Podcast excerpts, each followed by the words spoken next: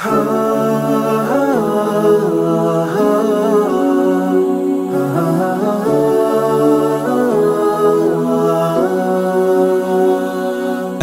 alaikum och hjärtligt välkommen till Koranpodden.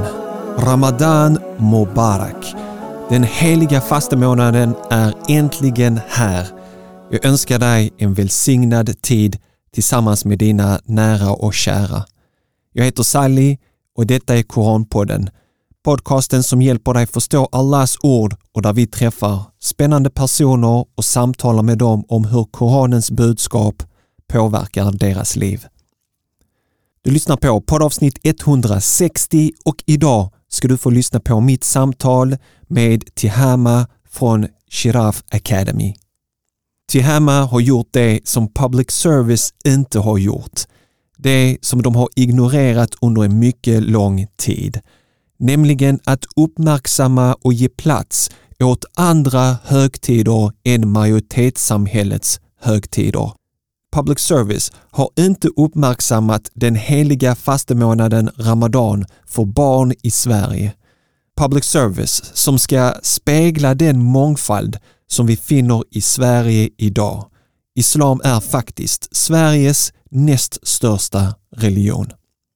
Idag finns det en ny generation barn och ungdomar som är födda i Sverige med muslimsk bakgrund de ser på julkalendern som jag gjorde en gång i tiden när jag var ett barn och de tittar på Kalanka och hans vänner önskar god jul. När Ramadan kommer, ja, då nämns det väldigt kort i tv-rutan, men uppmärksammas inte mer än så. Om det uppmärksammas så talas det mest vad man konsumerar under fastan såsom kött och dadlar, inte mycket mer än så. I många svenska skolor önskar varken rektor eller lärare god ramadan. Om det uppmärksammas så uppmärksammas det genom att föräldrarna får fylla i blanketter om att deras barn ska avstå från att äta i matsalen. Oftast medföljer det en text med dessa byråkratiska blanketter där det står att skolan och rektorn inte rekommenderar att barnen ska avstå från att äta under ramadan. Torrt och torftigt och byråkratiskt. Inte så konstigt att så många muslimska barn och ungdomar inte känner sig inkluderade och sedda. De känner sig utanför samhället, exkluderade, osynliggjorda. Ska vi beskylla dessa ungdomar för den utanförskapskänsla som de har eller är det så att vuxna inte har tagit sitt ansvar? Tihama har valt att göra någonting åt detta hon vägrar att bli ett offer. Med hjälp av ideella krafter, frivilliga krafter, har Tihama tillsammans med sitt team av entusiaster lanserat Ramadankalendern på Youtube. En spännande audioserie som vänder sig till barn. Denna Ramadan lyssnar jag tillsammans med min familj på denna serie runt matbordet efter att vi har brutit fastan.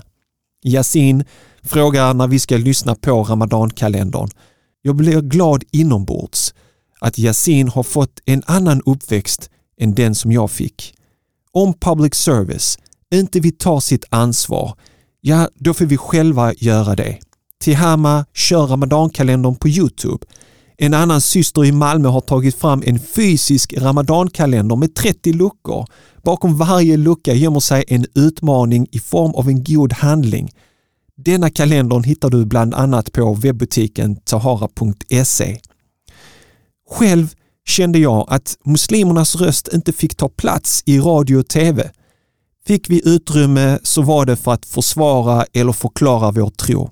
Så jag lärde mig poddandet, köpte utrustningen och startade Koranpodden. Du som lyssnar hemma, du kan också göra en positiv förändring, fylla i tomrummen, göra det som andra borde ha gjort och bevisa att du kan göra det själv och till och med bättre än de själva skulle ha gjort det. Säg Bismillah i Guds namn och kör bara. Okej, okay, nog med försnack. Här är mitt samtal med Tihama som tillsammans med sitt team har lanserat Ramadankalendern på Youtube.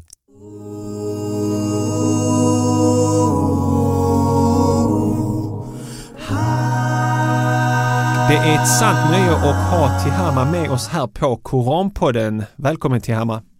Tack så mycket, tackar!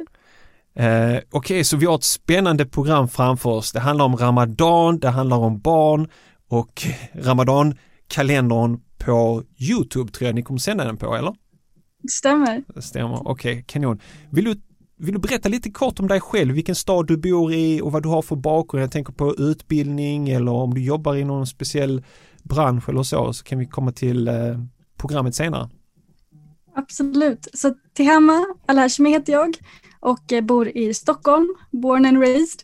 Ehm, jag, eh, I december, nu vintras då 2020, så tog jag examen i business development och, ehm, och ända sedan dess har jag jobbat då med det här projektet och samtidigt jobbar jag då som koranskolelärare på Shiraf Academy. Så du är utbildad till business? Business development, så affärsutveckling. Okej, okay. vill du kort berätta vad det går ut på? Ja, det handlar ju om att utveckla företag, eh, utveckla produkter, tjänster, koncept, jobba lite mer så hur kan man generera mer pengar, nå ut större målgrupper, nya målgrupper, bryta ny mark. Mm. Så att allt inom företagsvärlden och typ så här, hur kan man utveckla det så att man levlar upp. Mm. Levlar, då... levlar upp, det älskar jag.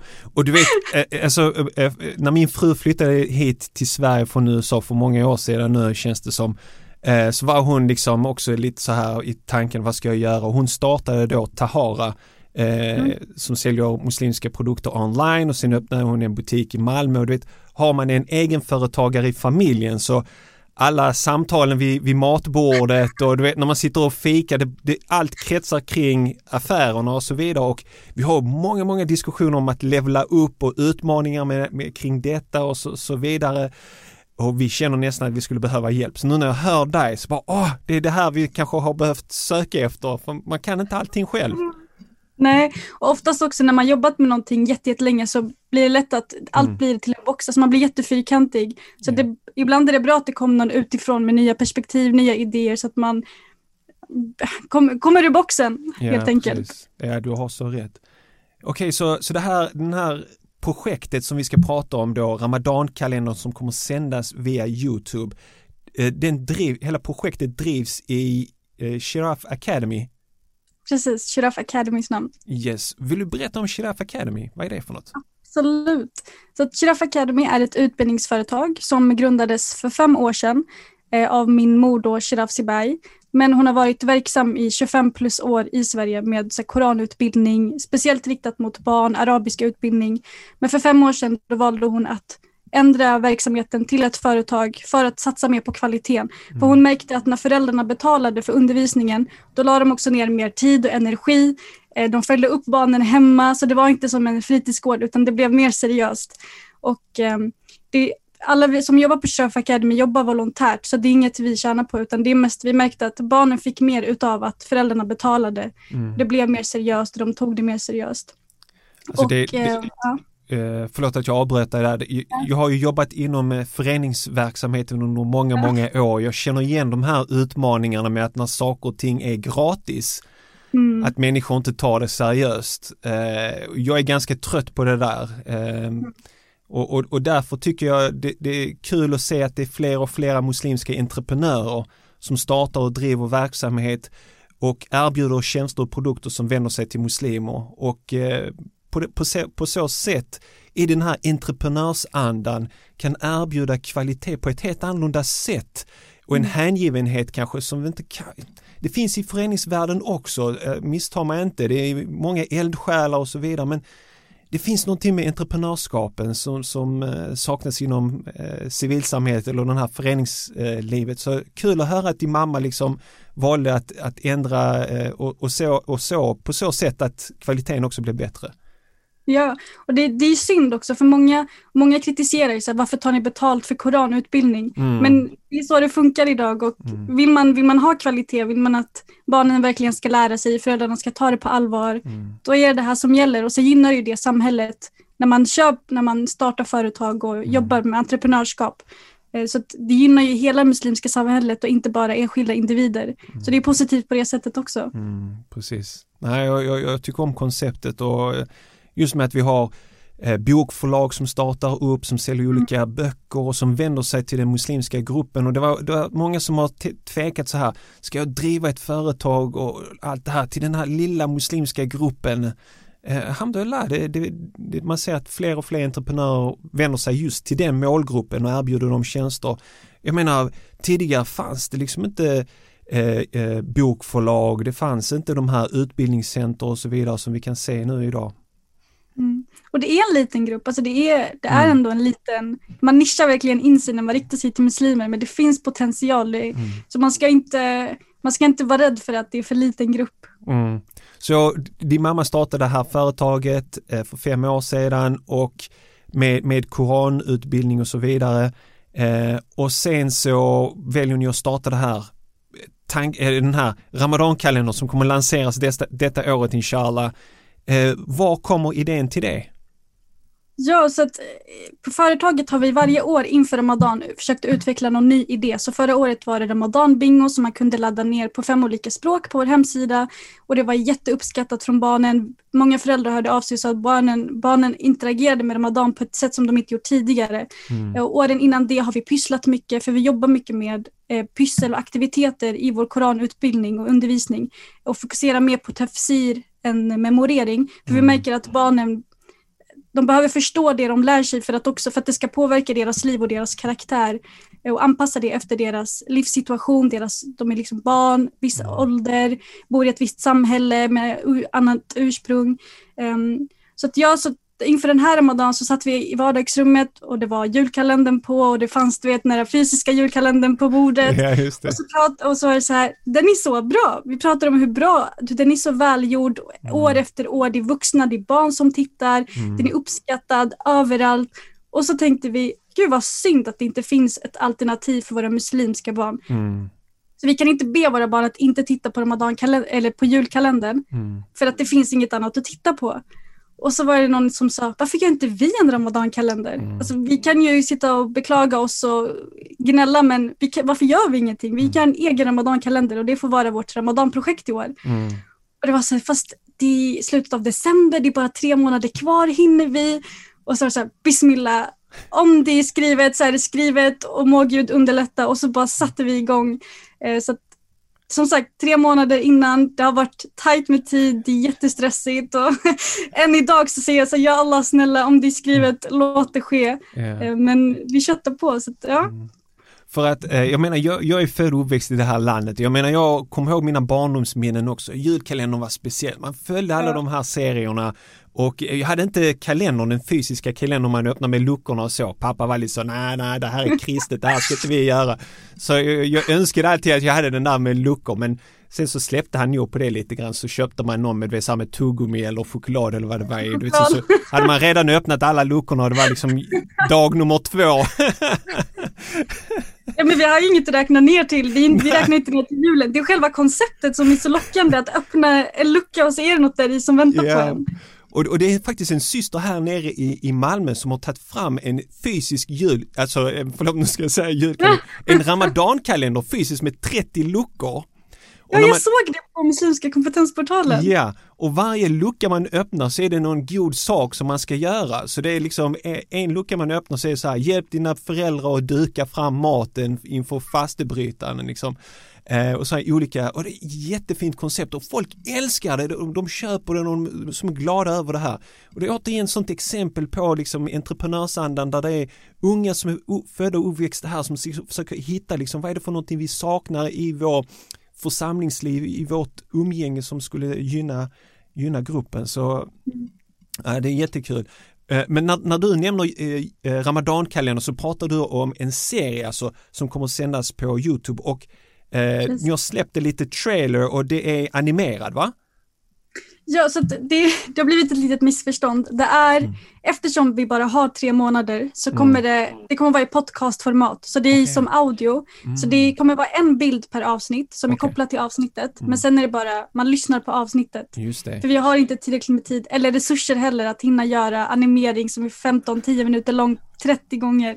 Tyvärr. Ja, ja, ja Eh, precis. Så att vi man får jobba lite på här förståelse. Ja, men jag, jag älskar konceptet ändå, liksom, äh, just det, att man ska lyssna. Det är en jätteviktig erfarenhet för barn att lära sig att aktivt lyssna och skapa sig de här bilderna mentalt. Eh, det tror jag är en jättenyttig eh, träning för barn att göra istället för att de bara ska se. Så att det ska bli, bli väldigt intressant när ni får er feedback på det här. Hur har barnen tagit emot det här?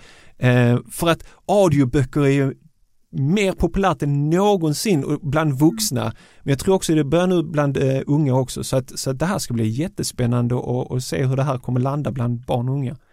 Ja, jag hoppas, för många elever i skolan har sagt åh jag ser fram emot att titta på Ramadankalendern. Mm. Jag ska få lyssna på Ramadankalendern i år. ja. Och det är som du säger, barnen är så vana med att se mycket så mm. Det ska bli kul att se hur, deras, alltså hur de, när de aktiverar sin, sin egen fantasi och hur de själva ser att typ målar upp bilderna på de här olika miljöerna som familjen mm. Muslimson då kommer att vara i. Mm, precis, och, och, bygga upp karaktärerna och så vidare. Fantastiskt. Mm. Så, och, och då är det alltså, hur många avsnitt har ni tagit så, fram? Eh, det är 30 avsnitt totalt, okay. eh, så det är ett avsnitt per dag fram till, till och med Aid antar mm. jag, om Ramadan blir 29 dagar eller fram till Aid om det blir 30 dagar. Så det är 30 avsnitt i alla fall. Yeah. och, eh, så det är en storyline där vi får följa en familj som heter familjen Muslimson. Assalamu alaikum! Vad kul att du är här! Jag är Tihama och du lyssnar på den allra första Ramadankalendern, Ramadan runt på 30 dagar. Under de kommande 30 dagarna ska du få följa med familjen Muslimson på en resa runt om i världen och upptäcka hur Ramadan kan se ut för olika människor. Men titta, här kommer ju familjen Muslimson. Vill ni presentera er? Assalamu alaikum. Det är jag som är pappa Adam. Och jag är mamma Aisha. Jag är Bilal. Och jag är Belqis. Vi ska åka till mormor och morfar fasta ramadan tillsammans med dem. Ja, fast om vi ska hinna dit i tid får vi skynda oss med att packa. Vi har en lång resa framför oss. Mm. Och vi valde familjen Muslimson för att leka med det här. Att det är, det är svenskar, det är en familj som är uppvuxna i Sverige, mm. som slutar på son. Men att de heter de Muslimson och då är det pappa Adam, mamma Aisha, sonen Bilal och dottern Balqis. Mm. Och allt handlar om att de dagen innan Ramadan ska åka till mormor och morfar så de sätter sig i bilen för att fasta Ramadan tillsammans. Eller de åker till mormor och morfar för att de ska fasta Ramadan tillsammans. Mm. Men på vägen dit så händer någonting så de kommer inte riktigt fram. Och var och varannat avsnitt så hamnar de i en ny miljö och där de får se hur människor fastar ramadan i olika kulturer, olika miljöer. Eh, så du har, liksom, du har fängelset, du har öknen, du har rymden, du har massa olika platser som de hamnar på. Och de får lära sig vad, hur äter man, hur bryter man fastan, hur ber man. Mm.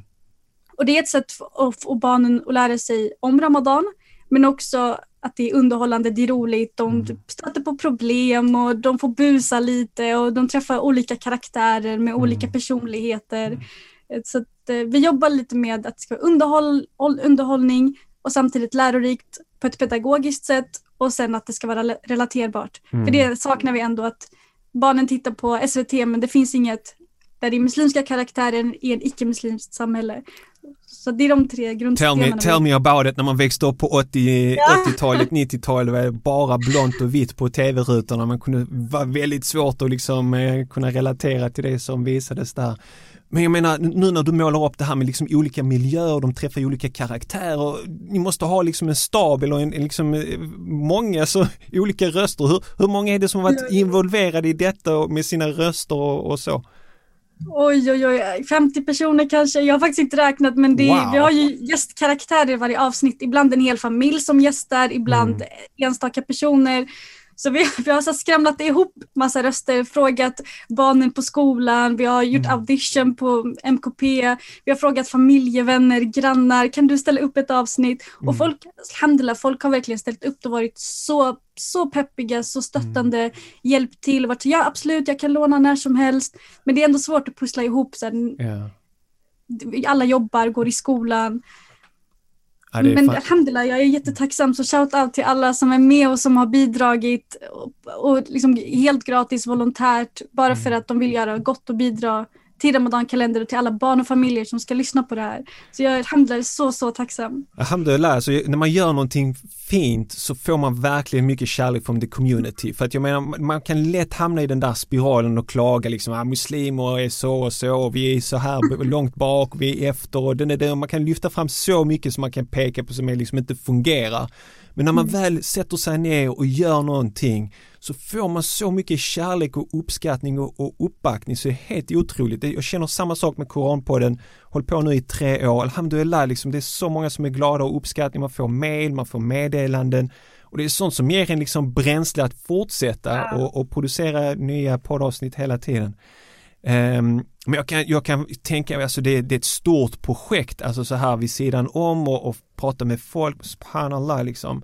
Helt otroligt att ni har fått till och det. Det, är, det är mycket research också som har lagt ner för varje, varje mm. avsnitt vi skriver om. Vi vill att det ska vara så accurate som möjligt. Mm. Så när vi pratar om att de hamnar i ett fängelse, då vill vi att det ska spegla verkligheten när de hamnar i öknen. Då vill vi att det ska spegla verkligheten så att jättemånga timmar inför varje avsnitt har också lagt ner på att titta på videos och läsa artiklar och fråga människor som har erfarenhet.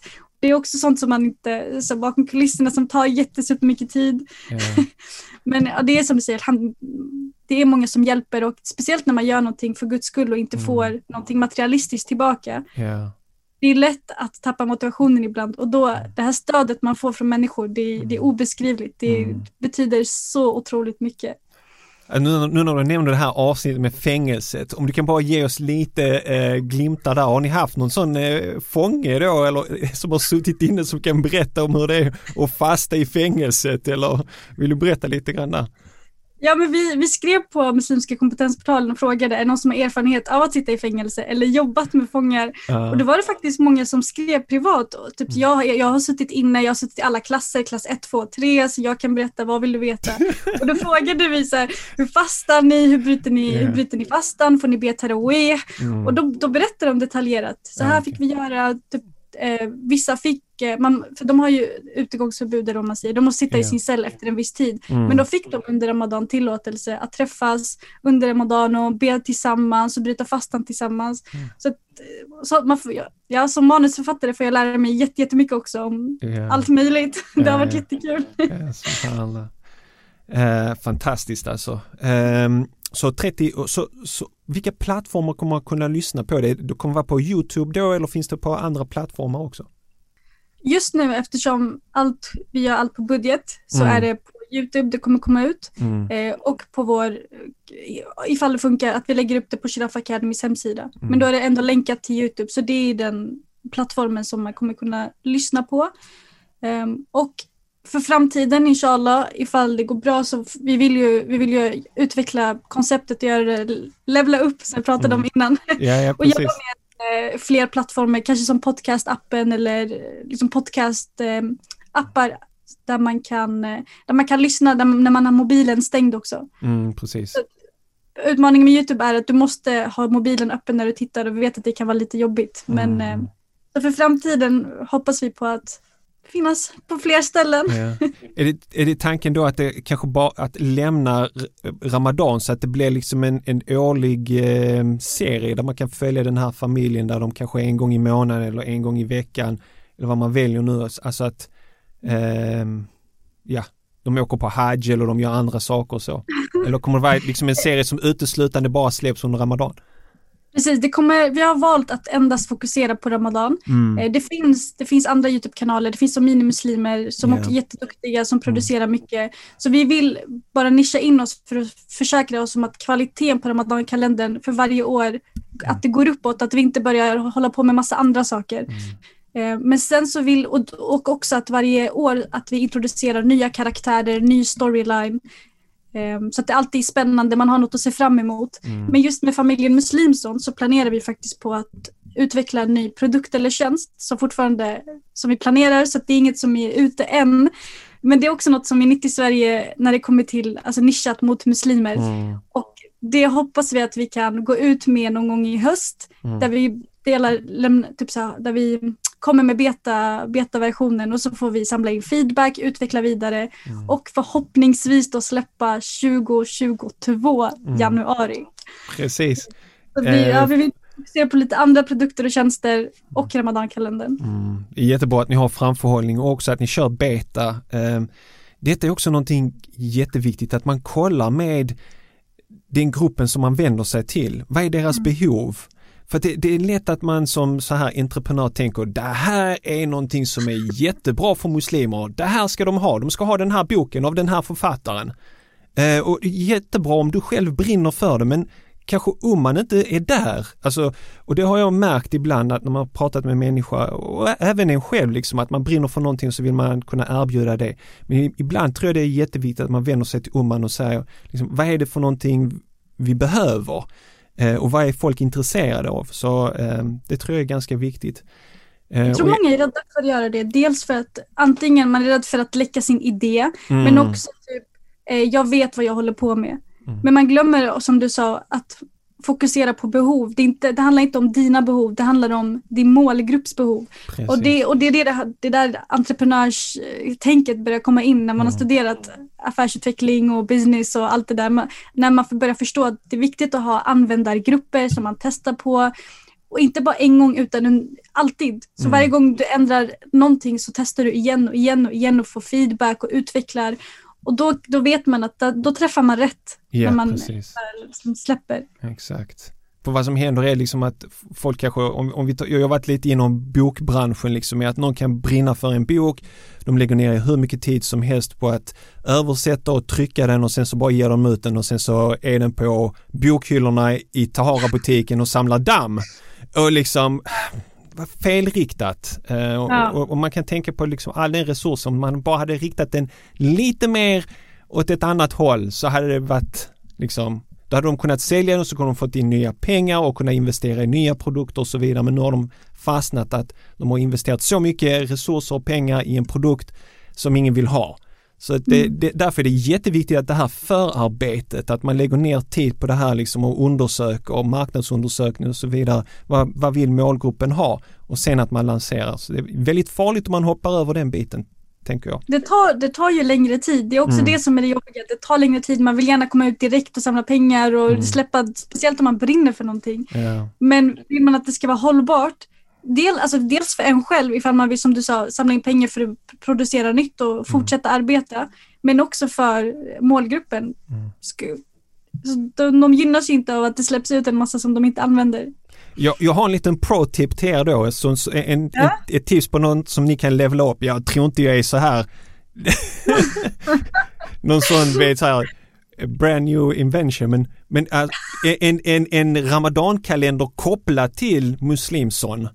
Alltså så att man, Ja. man lyssnar på podden och sen samtidigt att man får öppna luckan och så är det kanske någon hemlighet eller något sånt som är kopplat till den audioversionen då.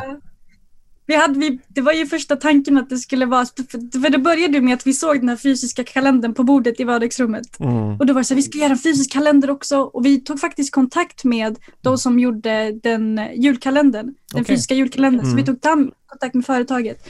Men så insåg vi, vi har tre månader, vi måste fokusera på det allra viktigaste. Ja. Och sen inför nästa år inshallah. Inshallah. Och därför blev jag så glad när jag såg den här fysiska kalendern på, som du la upp på Muslimska kompetensportalen Mm. som Tahara har börjat sälja. Men så att det var exakt det här vi skulle göra. Så det är så kul att, att se att det, det går, det funkar. Ja, det ja precis, precis. Den är jättepopulär. Eh, och vad som hände var förra Ramadan så var det också eh, ett par, ett muslimskt par som kom ut med en Ramadankalender som vänder sig till vuxna.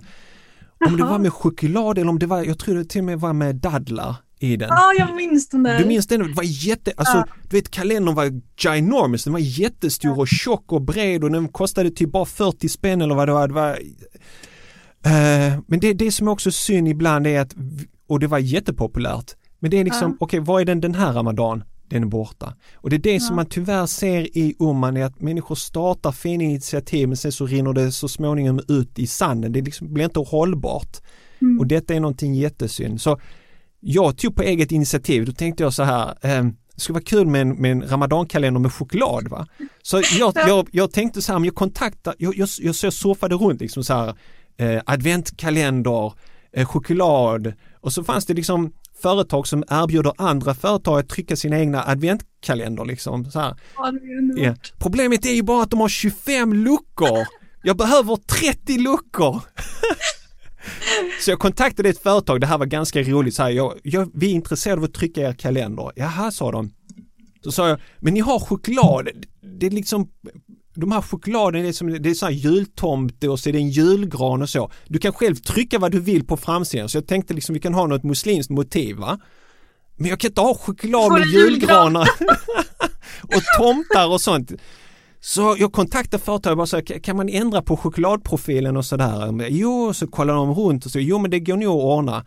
Och sen så läste jag där 25 luckor och så bara, åh nej, jag behöver 30 luckor. Och sen kontaktade och frågade dem, kan ni fixa 30 luckor? Nej, jag fick inget svar på det där.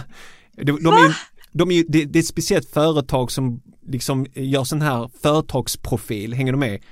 Eh, så de, de säljer liksom till företag, vill du ha liksom eh, en vattenflaska med ditt företags logga på. Så de har liksom hundra olika sådana produkter och så hade de då adventskalendern med 25 luckor. De, de är inte så här att de kan ändra helt plötsligt ge dig 30 luckor liksom så att man måste vända sig till något. Till... Jag, jag tänkte det kanske var deras grej att de hade riktat in sig på de kalendrarna. Då tänkte jag då borde det ändå finnas möjlighet. Ja, ja nej, nej, nej, det är bara en liten del i deras stora verksamhet. De erbjuder massor sådana här företagsprofil så den, den idén eh, funkar inte. Nej. Jag tänkte på de här, de som eh, sålde ramadankalender förra året med dadlarna. Mm. För då köpte vi in jättemånga som vi gav ut till barnen precis inför Ramadan. Ja, just det. Eh, jag tror, med dem var det kanske att, jag vet att det var många, det var mycket så här, dadlarna var inte goda eller chokladen mm. och så. Mm. Det man hade kunnat göra var att utveckla idén. Alltså mm. att man inte, okej okay, vi fick eh, lite dålig feedback och så lägger man ner utan att man men vad var det som inte funkade? Hur kan vi göra det bättre? För att själva idén, folk älskade ju idén mm. och såg jättemycket fram emot det. Jag minns det sålde jätte, jättebra. Ja, så att man inte är rädd när man får feedback eller typ kritik eller mm. ja, negativ feedback utan att man försöker tänka okej, okay, hur kan vi göra det bättre? Exakt. Vad kan vi lära oss av feedbacken? Mm. Ja, det, det, du säger är så viktigt. Jag tänkte på senare tid, det är liksom att om du har en idé och du vill driva ett projekt, kör igång och sen under processen så kan du alltid liksom förbättra. Det är det som liksom tar en iPhone. Jag menar de släppte iPhone, den första iPhone och sen så kom nästa version som var ännu bättre och så håller de på att förfina den hela tiden liksom. Och det är så man också måste tänka när man börjar någon, någon verksamhet. Att du kommer släppa en produkt, den kommer kanske inte vara den bästa men du kan hela, du måste lyssna på din kundgrupp och hela tiden försöka vara ödmjuk, ta, ta emot mm. kritiken och förbättra dig liksom. Så det, det är jätteviktigt. Så inte vara perfektionist, utan inget kommer vara perfekt från början och det, det kanske aldrig blir perfekt. Precis. Men man släpper det och som du sa, vara ödmjuk, ta emot mm. feedback. Också att vår, vårt samhälle, det hade varit bra om vi blev bättre på att ge positiv feedback eller mm. konstruktiv feedback yeah. istället för kritik. Men att ja, precis, man släpper någonting, det är inte perfekt, man tar emot feedback, så tänker man hur kan vi göra det här bättre? Jag tänker på iPhone som du sa, hur ofta klagar man inte på funktioner? Mm. Men det betyder inte att de slutar släppa nya iPhones utan de lyssnar ju och sen så gör de det bättre. Precis. Och det är så man blir framgångsrik. Mm. Och jag, jag, jag, tror det är viktigt att man sätter en deadline för sig själv om man har en idé eller en produkt som man ska släppa. Eh, för att till exempel när jag tar Koranpodden, jag släpper ett avsnitt varje vecka. Någon vecka är jag jätteduktig, men jag vet att på måndag ska jag släppa ett avsnitt. Någon vecka jobbar jag på, då kan jag slipa manuset, jag kan lägga ner jättemycket tid. Men jag vet att måndag är min deadline, så lång mm. tid har jag och sen får jag släppa det. Om det är bra eller om det är dåligt, det är Någon vecka kan jag ha en liksom tuff vecka, det är Eh, mycket att göra hemma, eh, man ska ta bilen till bilprovning och det visar sig att det är 20 fel, man måste gå till bilmekanikern, du vet, och så har man inte så mycket tid att lägga ner på manuset.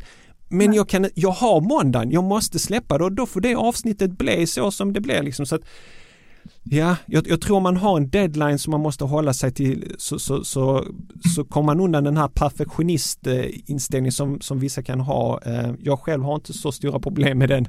Jag, jag önskar att jag kunde vara lite mer perfektionist men, men jag vet att det finns många som är så perfektionistiska så att de aldrig släpper någonting och det är jättesynd.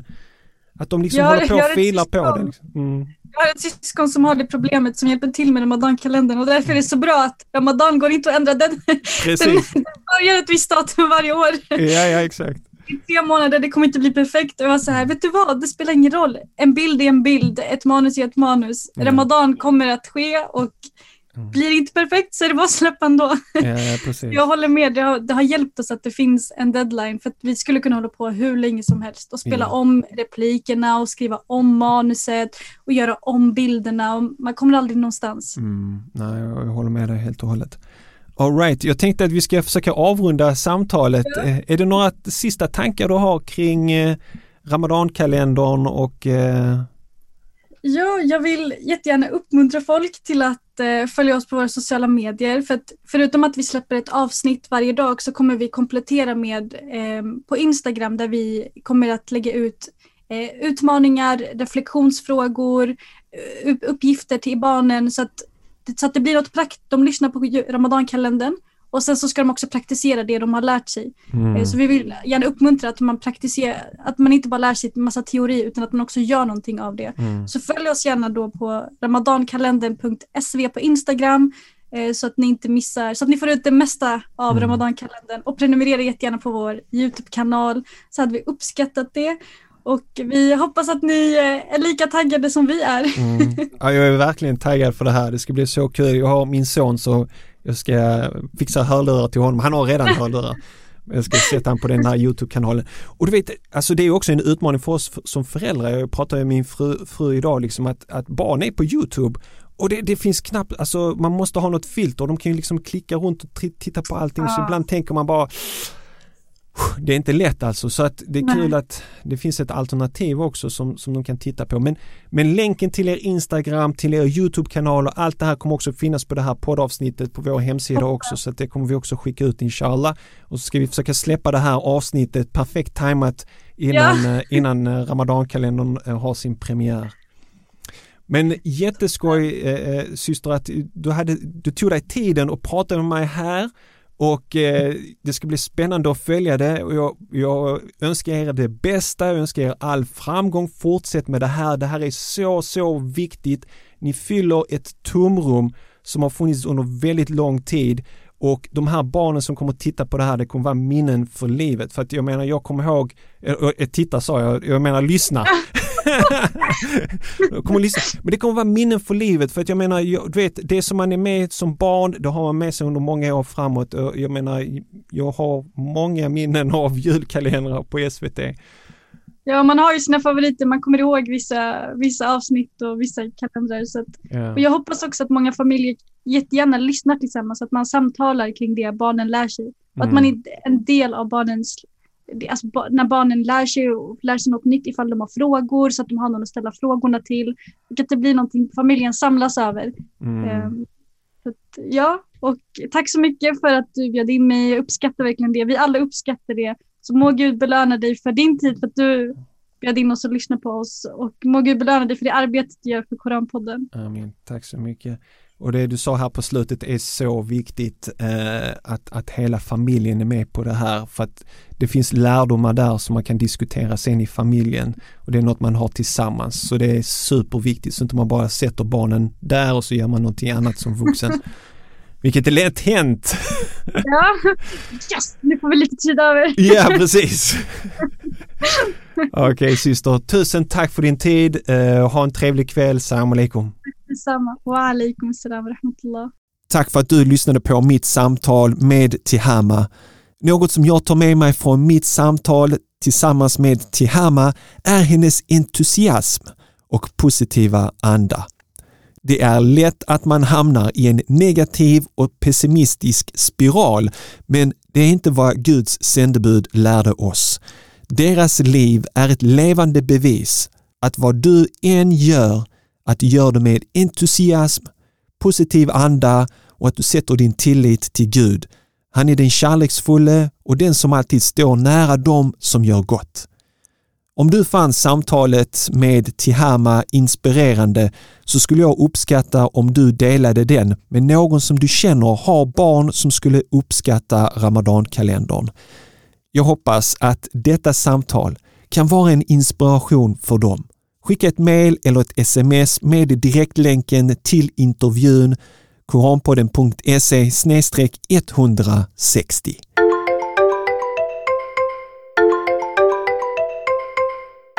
Lyssnare fortsätter att lämna meddelande i vår telefonsvarare som jag vill dela med dig. Här är meddelandet. Jag tycker mycket om Koranpodden. Jag lyssnar på den varje kväll. Jag ska.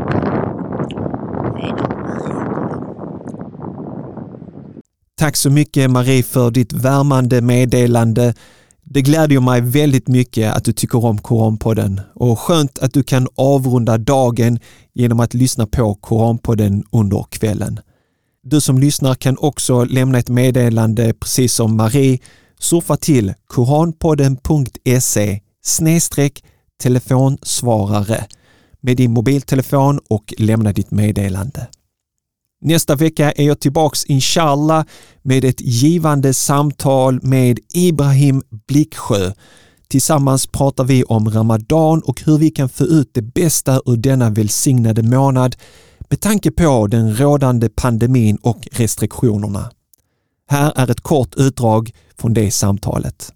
Självklart nummer ett är ju varför fastar vi? Jo, för att Allah har sagt att vi ska göra det, precis som han har sagt. Alltså läser man den här koranversen att fastan har föreskrivits er på samma sätt som den har föreskrivit de som var innan er.